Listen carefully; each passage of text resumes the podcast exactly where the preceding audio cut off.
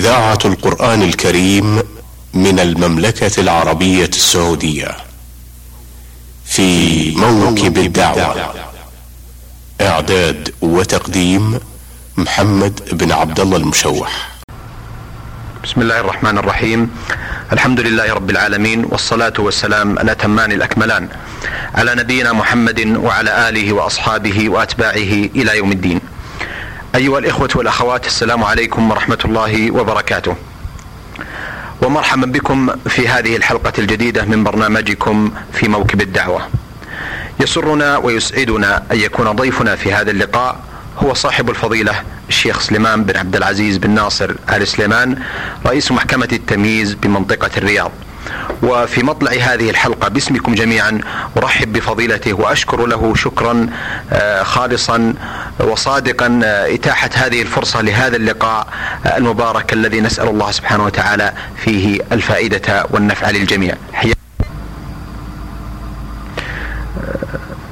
فضل الشيخ سليمان الحقيقة اعتاد الإخوة من المستمعين والمستمعات في مطلع كل لقاء من هذه اللقاءات المباركة التي آه، دونت وسجلت مع أصحاب الفضيلة المشايخ أن نستمع إلى شيء من التعريف عن المولد آه، والنشأة. هل لكم أن تتفضلوا شيخ سليمان رعاكم الله بشيء من ذلك؟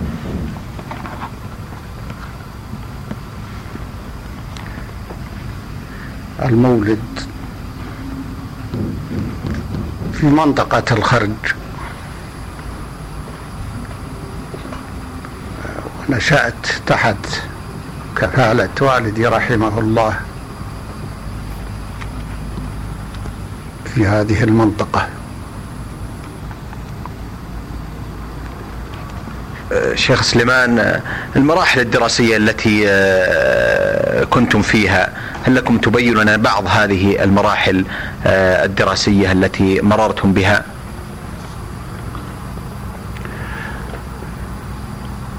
ابتدأ التعليم عندي.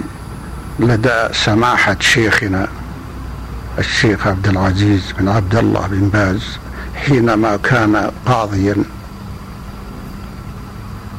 في بلدة الدلم بالخرج. واستمر التعليم لدى سماحته حتى عام سبعين وثلاثمائة وألف حينما فتح المعهد العلمي بالرياض. فالتحقت به؟ وزاولت الدراسة حتى أتممت الدراسة الثانوية ثم الكلية وبعدها انتقلت إلى السلك القضائي بتكليف وأمر من سماحة رئيس القضاة رحمه الله الشيخ محمد بن إبراهيم. أحسنتم شيخ سليمان. أه، بودنا أن نستمع أيضا إلى إلى طبيعة تلك النشأة التي كنتم فيها آه، الحياة الصعبة التي كان يلقاها آه، الطالب أو الناشئ في ذلك الوقت آه، بخلاف ما نجده ولله الحمد في هذا الوقت من رغد العيش وتوفر سبل الراحة والطلب التي غيرت مجرى الحياة كثير من الناس. لا شك أن مثل هذه الأمور تتيح للإنسان فرصة أكثر وأكبر للتلقي. كيف تقارنون الشيخ سليمان بين ذلك الوقت الذي كنتم فيه وبين الوقت الحاضر وما توفر فيه من سبل الراحة والتيسير؟ لقد نشأ التعليم حين ذاك في مراحله الأولى على جانب من الاختصار ولكنه في نفس الوقت مفيد. لأن الطالب حضر جميع شؤونه وانكب على العلم وكتب العلم يناقشها ليلا ونهارا وفي حلق المشايخ. فكانت النتيجة جاءت محققة لبعض آماله بفضل عدم تشعب الحياة وشؤونها ومتطلباتها في ذلك الوقت. أما الآن وقد كثرت متطلبات الحياة ومشاكلها وتبددها على الطالب فإن الطالب وإن كانت كثرت الثقافة لديه والطالب في كل مراحل الحياة سواء في كل جانب إلا أنها في ذاك الوقت في رأيي أنها كانت أقرب إلى التحصيل وقوة العلم لأن هناك اختصارا على مواد معينة كالفقه والحديث والتفسير والنحو ونحو ذلك. فكانت قوة الطالب في ذاك الوقت كما يعلم الكثير هي أقوى من الآن ولكن الآن فيه تبدل الثقافة وتنوعها وهذا صحيح أضعف بعض الشيء ولكنه نفع من ناحية أخرى وهو كثرة العلم وتنوعه. أثابكم الله يا شيخ. الحقيقة لا شك أن الإنسان ولا سيما آه، الذي تربى وتلقى على يد أحضان كثير من العلماء والمشايخ آه، تأثر بالبعض منهم سواء في أدبهم أو خلقهم وعلمهم وسيرتهم. والشيخ سليمان لا شك أن هناك بعض الشخصيات التي تأثرتم بها. من المشايخ الذين تلقيتم عنهم سواء كان ذلك في المراحل الدراسية الأولى أو أثناء الدراسة الجامعية. هل لكم أن تذكروا لنا بعض هذه الأسماء التي آه، تأثرتم بها وتلقيتم عنها بعض العلوم؟ لا شك أن تلقينا العلوم في بادئها.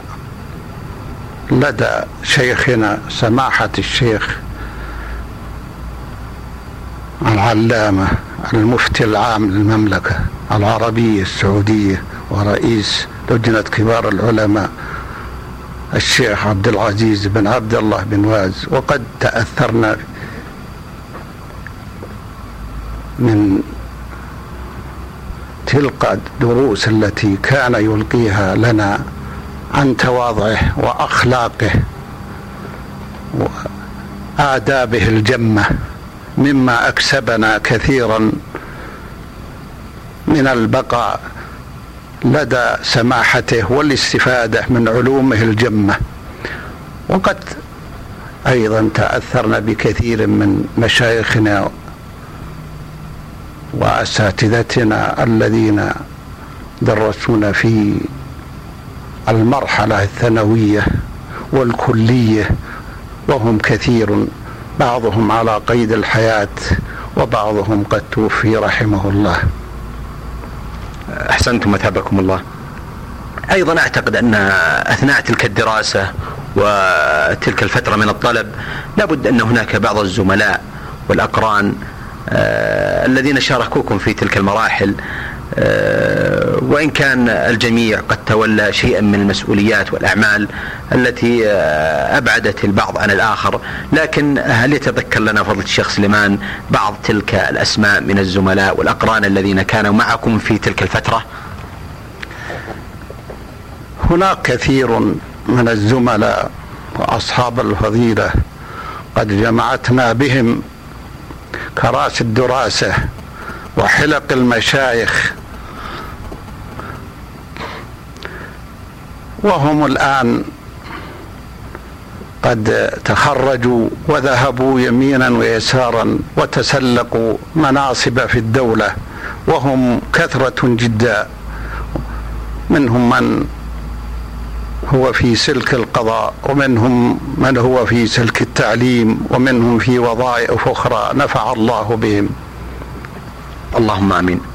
آه، شيخ سليمان أيضا آه، ذكرتم في مطلع الحديث أن فو أنه فور تخرجكم من آه، الكلية التحقتم بالسلك القضائي بناء على بناء على أمر وتوجيه من سماحة رئيس القضاة في ذلك الوقت الشيخ محمد بن إبراهيم رحمه الله.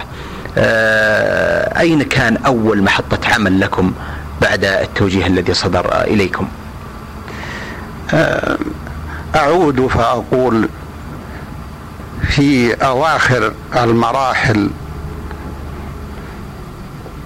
لكلية كلفت قبل سماحة رئيس القضاة ورئيس الكليات والمعاهد ذاك سماحة الشيخ محمد إبراهيم بأن كلفنا بالتدريس في المعهد. العلمي بالأحساء لمدة سنتين في عامي ستة وسبعين وسبعة وسبعين بعد الثلاثمائة والألف. ونحن نزاول الدراسة حينما يحضر وقت الاختبار. نذهب هناك لأداء الامتحان. فلما انتهت الدراسة وتحققنا على شهادة الكلية. كلفنا رحمه الله بالقضاء والانضمام إلى السلك القضائي بدل التدريس. فسجبنا بعد أن اعتذرنا مرارا من سماحته لعله أن يبقينا بالتدريس ولكنه رحمه الله أصر على ذلك. فكلفنا بالقضاء في مستعجلة الدمام لمدة سنة ثم رئيسا لمحكمة الدمام. عملكم في المستعجل عام كم كان ذلك يا فضل كلفنا هي مستعجلة الدمام عام الثمانين بعد ثلاثمائة والألف واستمر العمل فيها لمدة لمدة سنة. ثم كلفنا برئاسة محكمة الدمام. ثم بعد حوالي ثمان سنوات كلفنا برئاسة محاكم منطقة جيزان. وبقينا مدة تقارب الأربع سنوات ثم أعاد دنا رحمه الله إلى محاكم المنطقة الشرقية. وبقينا فيها سنتين وكلفنا بعضوية التمييز في الرياض. ثم بعد ذلك وبعد أن توفي رحمه الله عينت من قبل المجلس لرئاسة محكمة التمييز وها أنا أزاولها حتى الآن نسأل الله التوفيق والإعانة. اللهم آمين. ثابكم الله فضل الشيخ. الحقيقة الآن ما دام أننا وصلنا إلى المحطة الأخيرة التي أنتم فيها وهي رئاستكم لهيئة التمييز بمنطقة الرياض. ودنا الحقيقة أن نتعرف على أهم الأعمال المناطة بهذه الهيئة وتعريف بمقتضى عملها للإخوة المستمعين والمستمعات. فهذه أجد أنها فرصة مناسبة ومواتية للحديث عن الهيئة وأعمالها ومسؤولياتها. هيئة التمييز كما صدرت الأوامر من ولاة الأمور رحمه الله. الأولين ووفق الجميع الموجودين.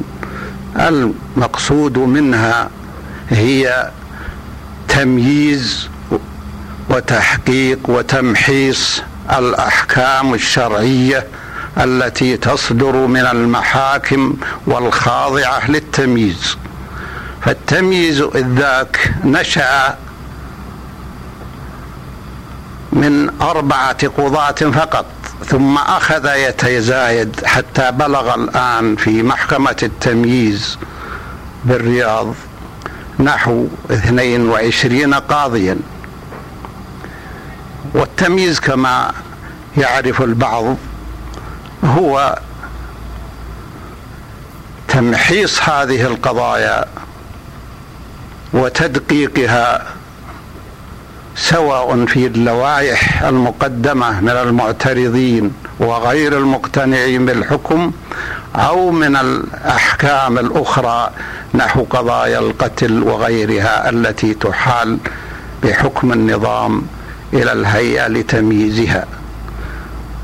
وقد كثرت الأعمال في الآونة الأخيرة وتنظمت الهيئة وقسمت إلى دوائر وهنا عندنا سبع دوائر أرب ثلاث دوائر للجزائية وثلاث دوائر للحقوق وسابعة للأحوال الشخصية وحجج الاستحكام. فسارت الأعمال بهذا التنظيم بحمد الله على ما يرام. وهناك تعاون من الوزارة ومجلس القضاء مع الهيئة مما يسر لها سير الأعمال على ما يحب الجميع ويرغبه ولاة الأمور. وفقهم الله. اللهم آمين. شيخ سليمان في الحقيقة أيضا هناك تساؤل عن هيئة التمييز وعن عملها. يتضمن آه، كثرة آه، الذين يطلبون تمييز الأحكام. مما آه، أوجد عملا ضخما وهائلا على الهيئة. هل هناك تنظيم آخر يحد من هذه الطلبات التي قد يطلبها الخصوم نحو تمييز أحكامهم والاكتفاء بأحكام القضاة؟ لا شك أن قضايا التمييز كثرت وقضايا المحاكم كثرت وإنتاج القضاة بحمد الله كثر وهذا كما يعرف الجميع سببه التطور التي كثر في البلاد والعمران وكثرة العمالة والمشتغلين كل هذا مما سبب كثرة المشاكل وكثرة الخصومات وهي بالنظر إلى الحركة العمرانية والحركة الاقتصادية فهي هذه؟ ليست بكثير لأن الناس يشاهدون البلاد وما تراها من توسع وتطور. نتيجة لهذا تكثر القضايا والمشاكل والخصومات وأنواع النزاعات الأخرى. ولكن الحمد لله أنظمة الدولة ضمنت للمواطن حقه. فكل قضية ليست خاضعة للتمييز. هناك قضايا غير خاضعة للتمييز أما القضايا الخاضعة للتمييز فإذا كانت حقوقية خالصة فهي معروفة بحكم النظام لدى القاضي. إذا حكم القاضي ولم يقتنع الخصمان أو أحدهما انه يعطى الصك لمدة شهر يرفق به وجهة نظره ولائحته التي لم يقتنع من أجلها. وبعد ذلك رفع كامل أوراق المعاملة بما فيها الضبط واللوائح والصك لهيئة التمييز لتدقيقها. فالعمل مشى على هذا والعمل لدى الهيئة بالرياض سائر بحمد الله وليس هناك تأخير أبدا. القضايا الجزائية كما يعطيها النظام الأولوية لا تبقى في المحكمة أكثر من عشرة أيام. أكثر من عشرة الأيام بحكم السجناء والموقوفين. القضايا الحقوقية قد لا تتجاوز عشرين يوم أو شهر أو نحو ذلك كلا ما ندر من قضايا لها ظروفها أو أشياء من هذا. فالأعمال في التمييز سائرة على ما يرام وليس بها تأخير.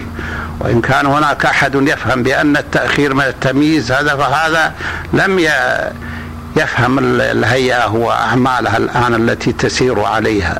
الأعمال في الهيئة تسير بحمد الله على ما يرام وفق التعليمات التي صدرت من ولاة الأمور ولا هناك تأخير لأحد أبد.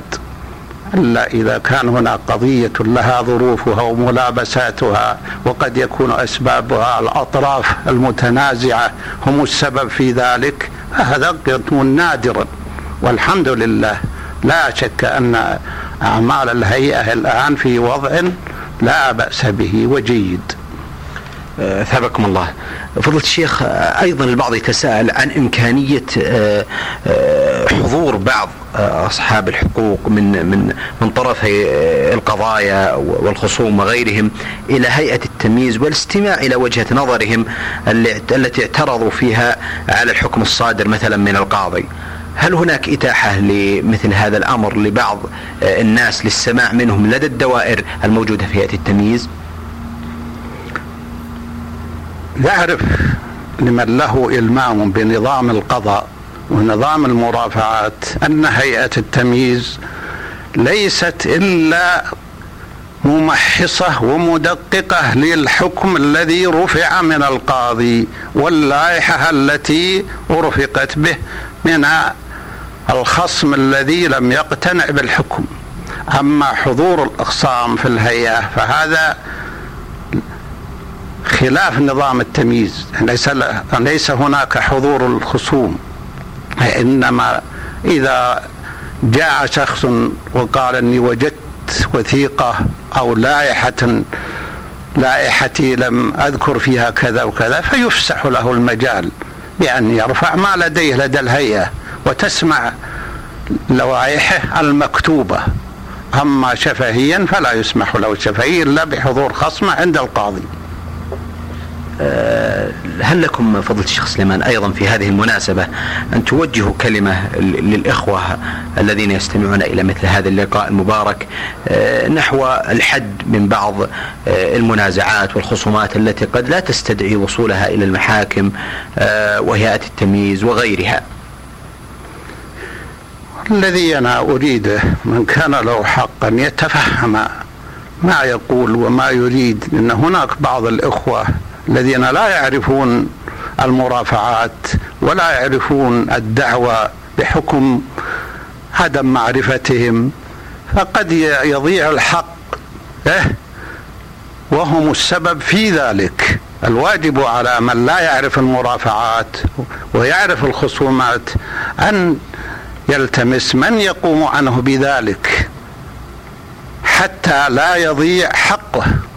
أما أن يذهب إلى المحكمة وهو لا يعرف كيف يحرر الدعوة أو يقدمها أو يجيب على أسئلة القاضي فهذا قد يفقد حقه أو بعض حقه. فالواجب على من يريد المرافعة أن يبحث من يعرف المرافعة ويعرف كيفيتها ويعرف كيف الإجابة والإجراءات الشرعية والإجراءات النظامية حتى يكون على بينة من أمره وحتى لا يذهب حقه أو بعضه. بالمناسبة فضيلة الشيخ سليمان آه، تحديد المدد بتحديد مدة 30 يوما لتمييز الحكم آه، الصادر من قبل القاضي هل الهيئة ملتزمة تماما بهذا الموعد تماما أم أن هناك إتاحة فرصة لبعض الأعذار التي قد ترد من بعض الناس الذين قد يجهلون مثل ما تفضلتم مثل هذه الأنظمة والمدد المحددة هذه فهل يمكن تجاوز بعض هذه الأشياء لمن لديه عذر في مثل ذلك؟ لا شك أن المدة التي حددت بالنظام وهي مدة شهر لا يقبل من الشخص تجاوزها. فإذا مكث لديه الصك أكثر من هذه المدة بطل اعتراضه إلا من عذر شرعي مرض ألم به أو شيء من ذلك. فهذا إذا هذا له له وقعه. وله اعتباره أما المدة المحددة فهي نظامية صدرت من ولاة الأمور. ومن ترك الصك عنده مدة أكثر فيسقط اعتراضه ولا يقبل منه. أثابكم الله فضل الشيخ. أه، قبل أن نختم هذا اللقاء المبارك أه، الحقيقة خلال هذه المدة الطويلة التي مارستم فيها العمل القضائي في عدد من المناطق والأماكن أه، تزيد عن 30 عاما الحقيقة كيف ترون أثر تطبيق الشريعة والاحكام الشرعية آه، على حياة الناس واستتباب أمنهم وسعادتهم وهي أو هذا أمر آه، أبانه الله سبحانه وتعالى في كتابه الكريم وعلى لسان رسوله صلى الله عليه وسلم. وهذه البلاد ولله الحمد تشهد أنموذجا مباركا وحميدا في تطبيق الشريعة الإسلامية وأثر تطبيق هذه الشريعة على المواطنين وعلى البلاد. لا يشك مسلم أن تطبيق شرع الله في أرضه هو الحد الحقيقي للنزوات الخارجة عن الشرع. ولذلك أدرك ولاة الأمور وفقهم الله الخير فأصروا على تحكيم الشريعة في جميع شؤونها سواء في شؤون الإنسان الخاصة أو الشؤون العامة. ولهذا صار الأمن كما نشاهد بحمد الله هو مضرب المثل في المملكة العربية. عمن سواه في بلاد الأخرى. فإذا ما قيست الجريمة في المملكة فعدت كلا شيء بالنسبة للجرائم التي نسمع عنها هنا وهناك جرائم كثيرة ومتعددة. وهذا نتيجة لإصرار ولاة الأمور. وفقهم الله. للخير على تحكيم الشريعة في جميع شؤون الإنسان الخاصة والعامة. أثابكم الله. آه، أيها الإخوة والأخوات آه، استمتعنا وإياكم بهذا اللقاء المبارك. والميمون مع صاحب الفضيلة الشيخ سليمان بن عبد العزيز بن ناصر آل سليمان رئيس محكمة التمييز بمنطقة الرياض والذي تفضل مشكورا بالإجابة على أسئلة آه، واستفسارات البرنامج في هذه في هذه الحلقة آه، المباركة. باسمكم جميعا أكرر شكري وتقديري لفضيلة الشيخ سليمان على إتاحة هذه الفرصة لهذا اللقاء وآمل بإذن الله تعالى أن يكون لنا معه لقاءات قادمة بإذن الله تعالى. أشكركم على ذلك وأتمنى من الله سبحانه وتعالى وأسأله التوفيق للجميع. لنا لقاء معكم في حلقة قادمة. والسلام عليكم ورحمة الله وبركاته. في موكب الدعوة إعداد وتقديم محمد بن عبد الله المشوح.